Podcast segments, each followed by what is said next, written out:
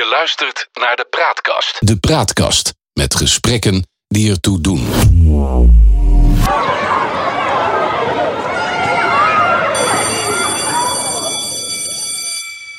Ga gewoon weer starten met de tram die voorbij komt hier. Leuk is dat, hè? We zitten in Rotterdam. Gezellig, hè? Ja, het is wel gezellig. Het heeft wel een gezellige, gezellige sound zo. Mhm. Het heeft iets alsof je nou ja, ergens eh, midden in, in, de, in de stad aan een tafel zit. en eh, aan het praten bent met de mensen. Mhm. dat klopt ook bij het derde gedeelte van... eh, hoe heet het ook alweer? Eigenwijs, eigenwijs over eh, opvoeden en onderwijs. Links naast mij zit Andrea Schimmer. Aan de overkant Herman Dreef. En dat zijn beide mensen die eigenlijk hun hele leven al gewijd hebben aan kinderen en opvoeding en, en onderwijs. En overdrijf ik of valt het wel mee? Nou, begeleiding, interesse in kinderen. Ja. Overlij, overdrijf ik, Herman, valt het wel mee? Zeker, maar ach. Voelt goed. erbij, hè? Ja. We zouden het, eh, deze derde aflevering eh, hebben over nieuwsgierig zijn. En dat was een van de thema's eh, voor de mensen die het nog even opgehelderd moeten hebben. Het allereerste gedeelte van Eigenwijs over opvoeden en onderwijs ging over de basisomstandigheden. Welke daarvan zijn nu eigenlijk echt belangrijk voor de ontwikkelingen van het kind? En we proberen dat een beetje te verdelen in eh, de leeftijdsklassen 0 tot 7, 7 tot 14 en 14 tot 21. En voor de mensen die dus denken dat, eh, waarom horen we nou een trim op de achtergrond? Dan zijn we niet gewend van de praatkast. Nou, nu even wel, want we zitten op locatie in Rotterdam. Omdat een van de deelnemers hier, dat is Andrea Schimmer, die ging schaatsen. Nou, dat was niet zo'n goed plan.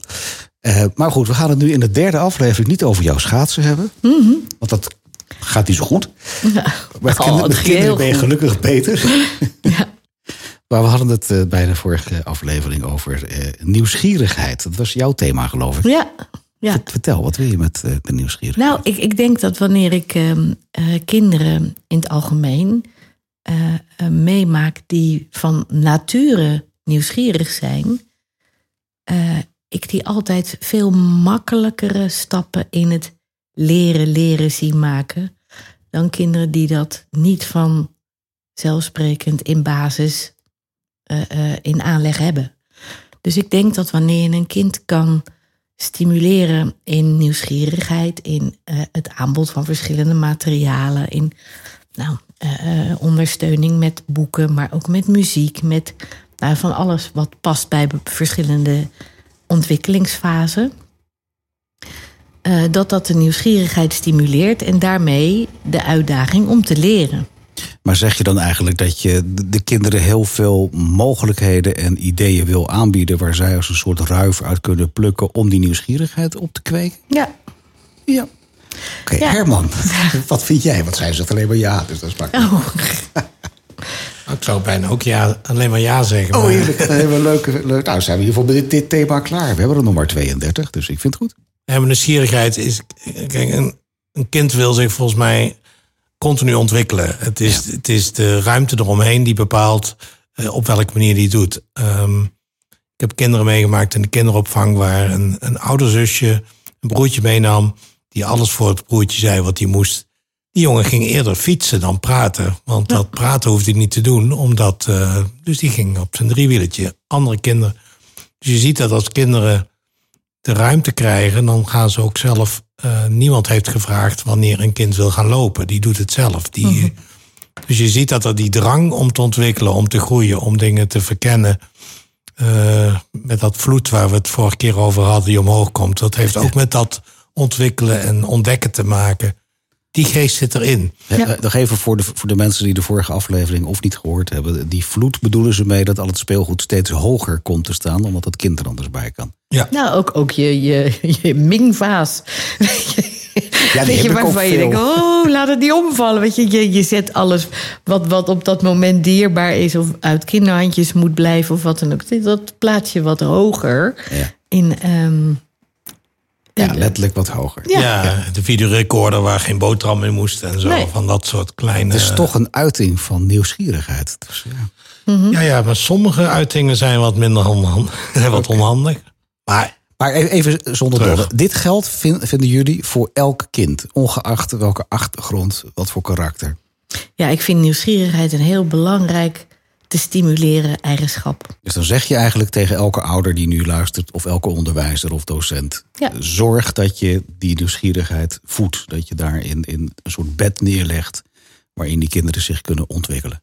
Nieuwsgierigheid, ontwikkelingsdrang. Kinderen hebben gewoon de drang om te ontwikkelen.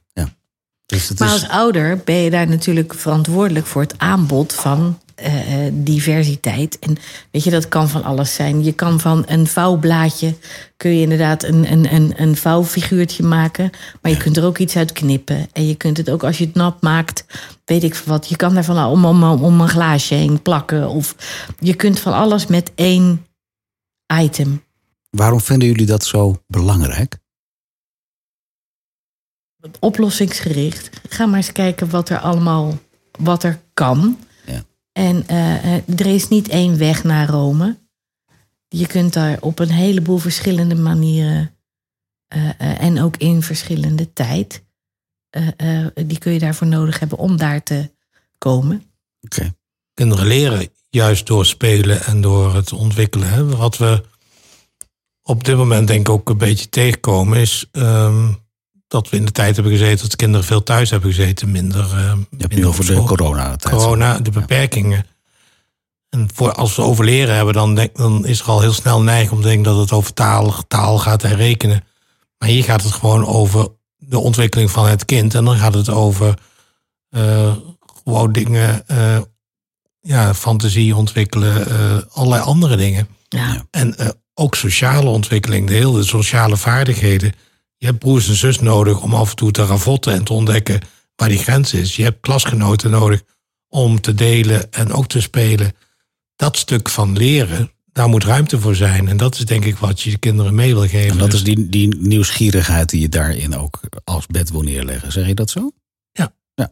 De- wat ik een beetje uit jouw verhaal, Andrea, en in iets mindere mate bij jou, Herman, hoor, is dat jullie erg focussen op die hele jonge leeftijd. Hè? Dat je echt eh, nou, vanaf peuter eh, tot de lagere schooltijd, zeg maar. Maar hoe zit dat voor oudere kinderen als je gaat kijken naar eh, nou ja, 14 tot 21? Geldt dan nog steeds dat je die nieuwsgierigheid moet koesteren, moet Ja, zeker. Zeker. Nee, absoluut. En in wat voor vorm moet ik dan denken? Ja, in, in, in beroepskeuzes, in, in eh, werken met bepaalde materialen. Dus ik ben ook altijd nog wel voor nou ja, het handarbeider in het geheel, of het creatieve. Eh, ehm, Want wat doe je daarmee dan, behalve dat je die kinderen eh, handvaardig maakt? Nou ja, weet je, ik denk dat er best wel eens een keer... Je kan een fiets wegbrengen naar de fietsenmaker... maar je kunt als ouder ook kijken van... kunnen we ze dat nog zelf leren? Of... eh, eh, ehm, Of je stopt je kind bij die fietsenmaker. Wel, kijk, zo doet de ja, fietsenmaker kan ook. dat. Ja. Is dat een voorbeeld, Herman? Of heb je nog andere ideeën eh, hoe jij dat zou doen bij eh, de ouderen, zeg maar, vanaf 14 jaar? nou ja, het is wel een leeftijd vooral, waarin ze vooral zelf op pad willen gaan. En dat de hand van de ouders steeds minder eh, belangrijk is. Vooral een andere weg gekozen wordt, hè, want dat is een eigen hun pad. Maar er zijn natuurlijk heel veel dingen die je als ouders kan doen. En ik denk dat de diversiteit aan cultuur die je, je kunt kinderen meenemen naar verschillende soorten muziek. Je kunt eh, kinderen meenemen naar. eh, dus je, op vakanties kun je allerlei dingen doen met de kinderen die. eh, naarmate ze ouder moet, moet het af en toe wel een beetje eh, onderhandeld worden wat dan, eh, wat dan wel kan en niet kan. Ja, dat zien we voor me, ja. Ja, maar dat, is ook, dat kan je week op week af doen. Weet je, we hebben allemaal een weekend. En je kunt altijd zeggen van, nou, oké, volgend weekend kies ik iets. En het weekend daarna kies jij iets. En wanneer je als ouder daarin een, een goed voorbeeld geeft in zaken een muziek of een, een, een museum wat aansluit op het niveau van interesse bij een kind. Weet je, het zijn niet allemaal de oude meesters waar je een 15-jarige voor hoeft te zetten. En sommige kinderen vinden dat wel heel fijn. Maar ehm, ja, Je zegt eigenlijk, neem ze overal mee, naar, mee ja naartoe. hoor, ik geloof dat, dat wanneer je zo divers mogelijk eh, ehm, laat ervaren, zien, beleven. Maar het is niet voor iedereen weggelegd. Als je het alleen al kijkt naar het financiële aspect... dan kan Ja. ik me bij achterstandswijken voorstellen... of mensen die een taalachterstand hebben... dat helemaal geen thema is. Die Mhm. gaan gewoon niet met die kinderen ergens heen. Maar ik ken ook mensen die financieel wel da- dat, dat zouden kunnen doen... maar gewoon persoonlijk die interesse niet hebben. Mhm. Hoe, hoe, hoe ga je daarmee om dan als, als begeleider of als... Nou, ik weet ook niet of ik helemaal met je eens ben, want ehm, ik zie bijvoorbeeld bij ons in het park, zie ik eh, op zondag zie ik best veel allochtone gezinnen die daar een hele gezellige middag met de kinderen hebben en daar hapjes en drankjes, spelletjes. Dat is ook een hele, als het elke weekend zouden doen op precies dezelfde manier, dan zou het misschien een eh, routine en niet toevoegen. Maar je ziet heel vaak dat ze daar ook verschillende dingen doen. Het zit niet in geld, het zit vooral in diversiteit, aandacht. Ja, het ondernemen. Maar we hadden het net een beetje over, over dat je ze dan, eh, bij wijze van spreken, elk weekend eh, meeneemt naar een museum of naar een sportwedstrijd of naar ver, vergelijkend. En dan, dan spreek ik uit eigen ding. Ik heb ook niet elk weekend zin om dingen Nee. te doen. Ik ben ook maar een mens. Nee, maar je, weet je, het, je hoeft ook niet altijd de deur uit. Het gaat ook over een spelletje pesten. Een spelletje Dat doen we veel. Ja, het bord of het, het kaartspel. Ja, het kaartspel, of, ja. Nou, weet je, de, de, de- ik ben ook niet van ieder weekend erop uit geweest. Weet je, hou op. Maar er zijn wel diverse mogelijkheden waarin je, nou ja, eh, eh, kunt kijken waar je met elkaar iets beleeft, iets bekijkt, iets napraat. Eh, nee, ja, ik vind dat wel. eh, Maar het gaat ook om die interesse. Hè. Eh, Een voorbeeld is denk ik in die leeftijd. We worden heel erg eh, een beetje eh, ja, de dominantie van de, van de iPhones en de telefoons en tijdens het De eten. beeldschermen. Ja. Beeldscherm. Dus ja, je kunt kinderen, omdat je er last van hebt, ook continu achter een beeldscherm zetten. Of het nou een eh, wat dan ook. Wij hadden bijvoorbeeld in onze opvoeding eh, dat we zeiden tijdens het eten. eh, ja. Niemand, dus ook papa niet. Eh, dat, eh, maar dan zelf het goede voorbeeld geven. Hè? Dat je de Ja. telefoon aan de Ja. kant legt. Ja. Maar dan hebben we het gewoon over wat er gebeurd is. Eh, je hebt quality time. Er zijn momenten dat je zegt, nee, nu zijn Ja. we weer bij elkaar. En dat, eh, ik merk dat de kinderen dat toen eh, gewaardeerd hebben. Het begon al heel klein. Wij hadden al, eh, we gingen al eh, met toen de kinderen twee en vier gingen op vrijdagmiddag. Aan, vrijdagavond gingen we borrelen, dus om zes uur. Ja. Dan zaten de kinderen met een, eh, een kaasdipje. En Ja. een, eh, hadden we gewoon een gezellig moment. Ja. Ze zijn nu 25 en 27 en, Ja. en ze hebben het er nog wel eens over, over die momenten dat zij aan de eettafel of aan het kleine tafeltje zaten en we het op die manier gezellig hadden. Ja. Ik denk dat dat soort gesprekken in gesprek blijven. Maar dan, is, is dat dan een soort invulling van de nieuwsgierigheid? Waarvan je zegt van, nou, je kunt nieuwsgierigheid kweken door het gesprek aan de eettafel aan te gaan. Is dat het thema? Want Dingen verdiepen is ook een vorm van nieuwsgierigheid. Dus op het moment dat je maatschappelijk probleem hebt, je hebt het er gewoon met elkaar over. Goh, wat gebeurt er nou? ja, Nou, dat is ook een stukje opvoeding die je hebt. Probeert waarden en normen over te brengen als ze van een oudere leeftijd komen. Van, ze zien dingen bij jou, hoe, hoe moeten ze dat dan eh, interpreteren? Ja, dat is ook verkennen. Dat is op hun manier. En ik heb zat discussies met mijn zoon meegemaakt... waarbij hij heel erg tegen was wat ik zei. En maar later met zijn vrienden hoorde praten... en denk, hé, hey, die, eh, die argumenten heb ik net ook gehoord. Dat is al meegenomen. heb ik- Ja, ja. Dus de manier waarop ze dat gebruiken, dat, ja, dat is heel divers. Maar Ja. in gesprek blijven, dat heb ik al eerder wel eens gezegd, dat is zo essentieel. Nu eh, snijden we een, een, eh, een punt aan waar we, denk ik, zo meteen nog een, nog een vierde aflevering over kunnen maken. En, en dat is een heel heet hangijzer. En volgens mij weten jullie beiden al waarover ik het wil gaan hebben nu. Naar aanleiding van wat Herman net zegt. het in gesprek blijven. Nee, daarvoor nog. De beeldschermen. Oh ja. Nou, we snijden hem vast aan, maar kan je nu alvast vertellen? Dat komt ook nog zo meteen in deel 4. Wat vinden jullie van het gebruik van beeldschermen bij welke leeftijdsklasse? Laten we beginnen van 0 tot 7, want beeldschermen zijn niet meer weg te denken uit ieders leven. Ook van kinderen, ook van peuters. Vertel eens, wat vinden jullie daar nu Het als... verbaast me dat eh, het al zo ontzettend snel wordt ingezet om een filmpje, een liedje, eh, al bij eh, Heel jong. kinderen die nog geen één zijn, Ja. eh, ehm, als afleider in ingezet wordt. Ja. Maar vind je daar wat van dan? Is dat, is dat fout? Is het goed? Of is het... Nou ja, ik, vind, ik denk dat de- interactie, zeker in die leeftijdsfase, tussen mensen en baby, dus de volwassenen, de familieleden en noem maar op, veel belangrijker zijn in het eh, aflezen van gelaatsuitdrukkingen, het kunnen lachen. De, nou ja, weet je, veel belangrijker dan een, een, een schermpje 20 centimeter voor je, waarbij er alleen maar één richting input is. En dat is vanuit het schermpje naar het kind. Mhm. En misschien kan het kind er dan ook nog een keer om lachen. Maar er is geen, eh, eh, er is geen samenwerking. We beperken ons even van 0 tot 7. Herman, wat is, wat is jouw mening over, over die leeftijdsklasse en de toepassing van beeldschermen? Nou, kinderen leren heel snel nabootsing. Dus die zijn binnen de kortste keren doen ze wat papa en mama doet. Dus dat is, eh, dat is. Waarmee je eigenlijk zegt, je, je, je voorkomt het niet, Victor?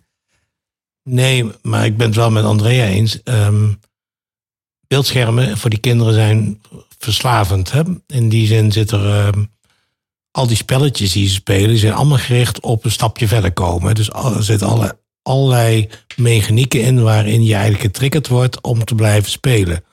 Nou, dat is denk ik niet wat we willen. Dat er een, een beeldscherm gebruikt wordt en dat dat een essentieel onderdeel van onze maatschappij is. En dat er heel veel mee gebeurt. Dan mogen die kinderen wel in de gaten hebben. En dan mogen ze ook, volgens mij is het best goed dat ze daarmee leren eh, werken.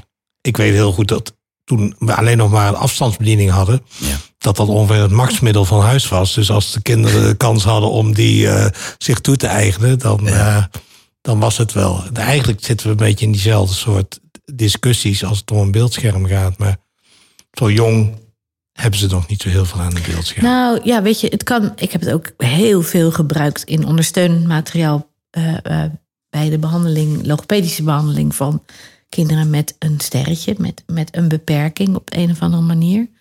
En eh, dan is het heel goed om de concentratie één op één in te zetten met het middel, met iets wat je in wilt trainen. Ehm, maar ik denk dat het eh, ehm, veel lastiger is eh, ehm, om de functie, zoals ook wel eerder. Je hebt zo'n tijdje gehad dat de iPad-scholen helemaal hot en Ja. happening waren. Met eh, Maurice de Dus- Hond die dat opgezet Ja. heeft dan, ja. Ja, Ja. maar dat is absoluut teruggedraaid. Weet je, de, de daadwerkelijke actie en interactie met elkaar is absoluut van belang. En, en eh, niet het eh, ehm, zonder doel met een, eh, eh, een beeldscherm aan de gang. Nou, maar dan zeg je iets essentieels, vind ik. Zonder doel. Ja, En dat- dat- als we hem eens omkeren, kunnen we dan, als je daar, nou ja, twintig jaar geleden was dat minder gewoon als dat dat nu is. Mhm. Zijn er ook voordelen te benoemen bij, bij het inzetten van beeldschermen? Het is wat eh, Andrea net zei, gebruiken bij, maar het beeldscherm zal de leerkracht bijvoorbeeld nooit vervangen.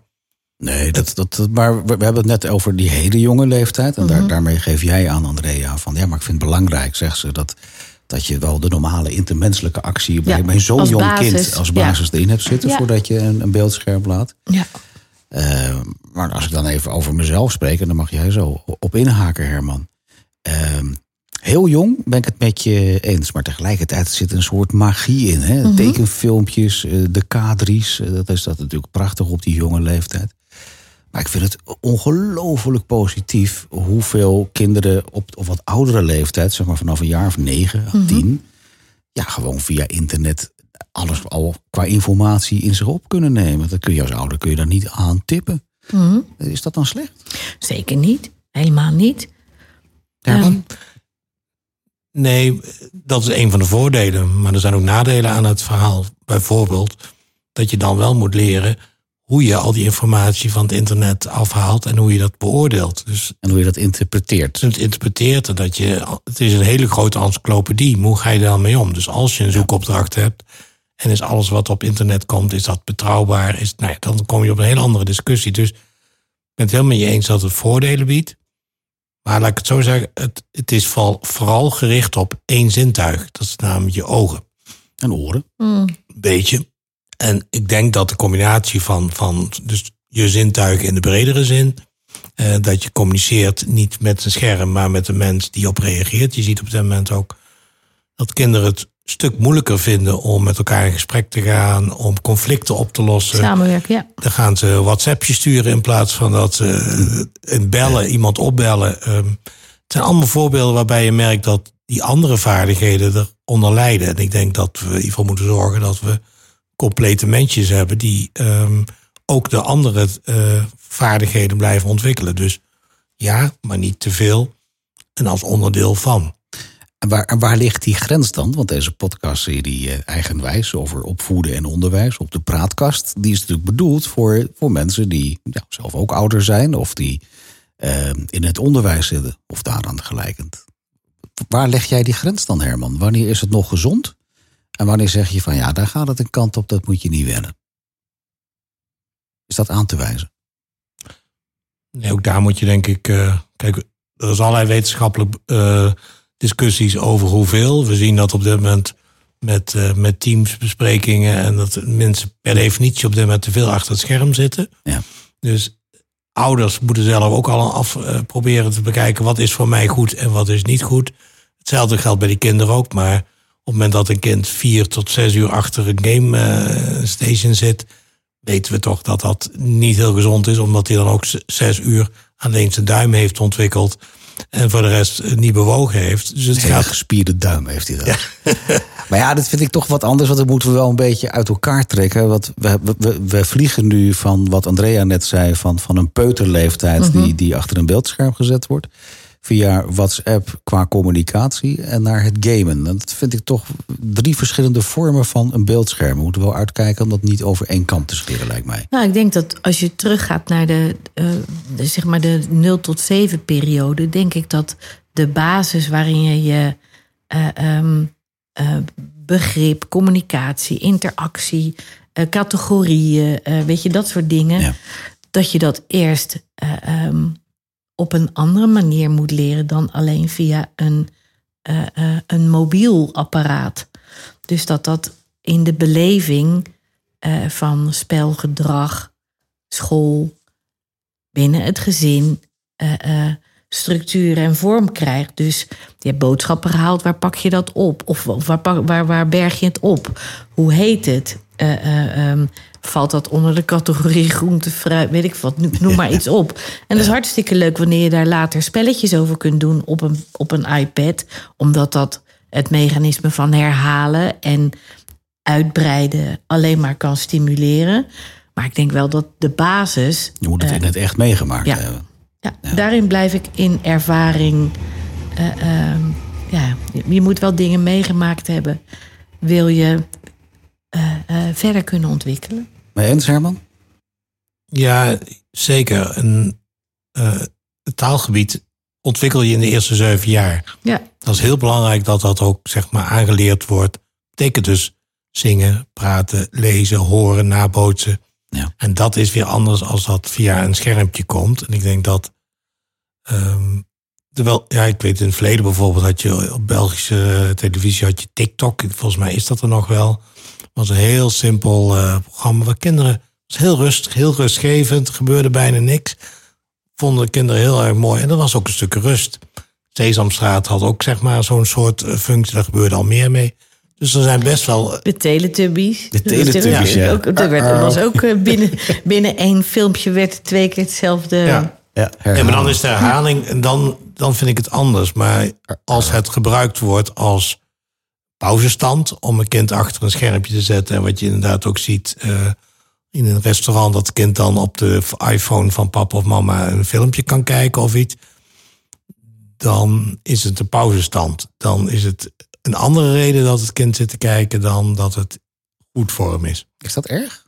Stel dat je, dat je met je kind in een restaurant zit en, en ik kan me wel herinneren dat ik vroeger met mijn ouders mee moest. En dat ik het ook na nou, drie kwartier niet leuk meer vond. Dan denk ik, ja, pff, daar zit ik dan. Dan zit ik een beetje bij die grote mensen. En dan zit ik maar. Is het dan verkeerd om zo'n kind een iPhone te geven? Nee, ik, ik kan me voorstellen dat dat een keer gebeurt. Maar ik kan ook voorstellen dat je erover nadenkt wat het betekent om met een kind naar een restaurant te gaan. En of er ook andere oplossingen zijn. Dus als het altijd op die manier opgelost wordt. Dan ligt dat voor mijn tong, maar ik zeg het niet. Goed, ja.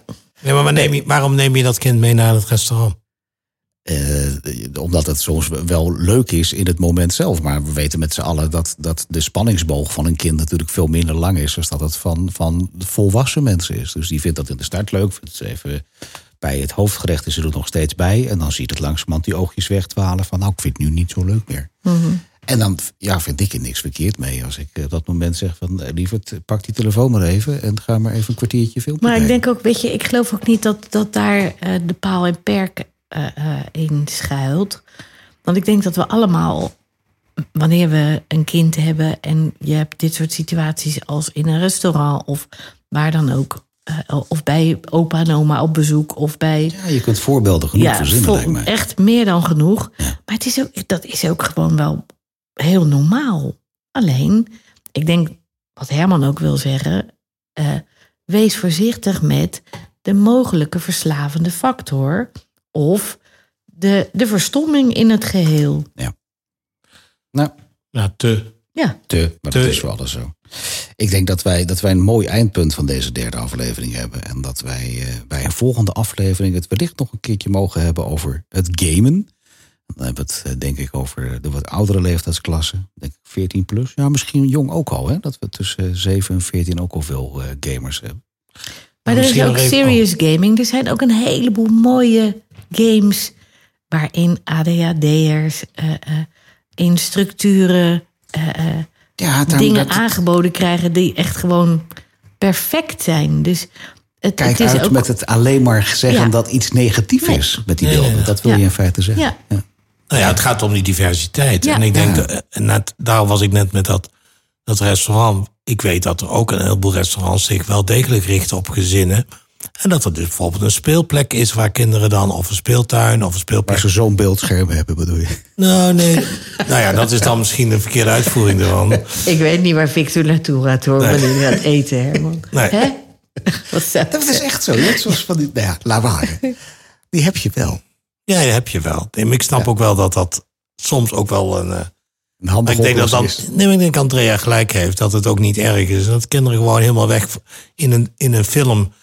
Film is een onderdeel eh, en het is heel mooi om een film te kijken. Alleen als het alleen maar een film is en dat dus een, in die zin gebruikt wordt om geen last te hebben van je kind, met jezelf je eigen Dat bedoelde jij net ook te zeggen. Van het moet niet een pauzemiddel Nee. zijn. Hier heb je de Daar, tablet. zit, daar zit de grens. Ja, en daar moet je bewust van zijn. Maar tegelijkertijd ligt er voor de ouders en het onderwijs een enorme uitdaging, denk ik. En daar wil ik even aanhaken op wat jij net zei. Is dat er allerlei toepassingen te verzinnen zijn die met beeldschermen te maken hebben. Eh, nou, wat je net als voorbeeld noemde, mensen met ADHD. Of, Ja. of nou, daar- zijn bepaalde specifieke eh, doelgroepen voor te Ja. verzinnen. Waar hele mooie programma's gemaakt worden, interactief. Ja. Ehm, ja, dat heet dan ja, ook weer een beetje gamen, maar net anders. Ja. En ja, dat zijn toch wel thema's die ik eh, ja, interessant vind. Heel leuk, ja. Volgende keer bereiden we ons voor. En wellicht weer uit het centrum van Rotterdam, wellicht uit Wageningen. Dankjewel voor het luisteren naar Eigenwijs over opvoeden en onderwijs met eh, Andrea Schimmer en Herman Dreef. Andrea en eh, Herman, graag tot de volgende keer. Tot de volgende keer. Dit is Ja. de Praatkast. Dag.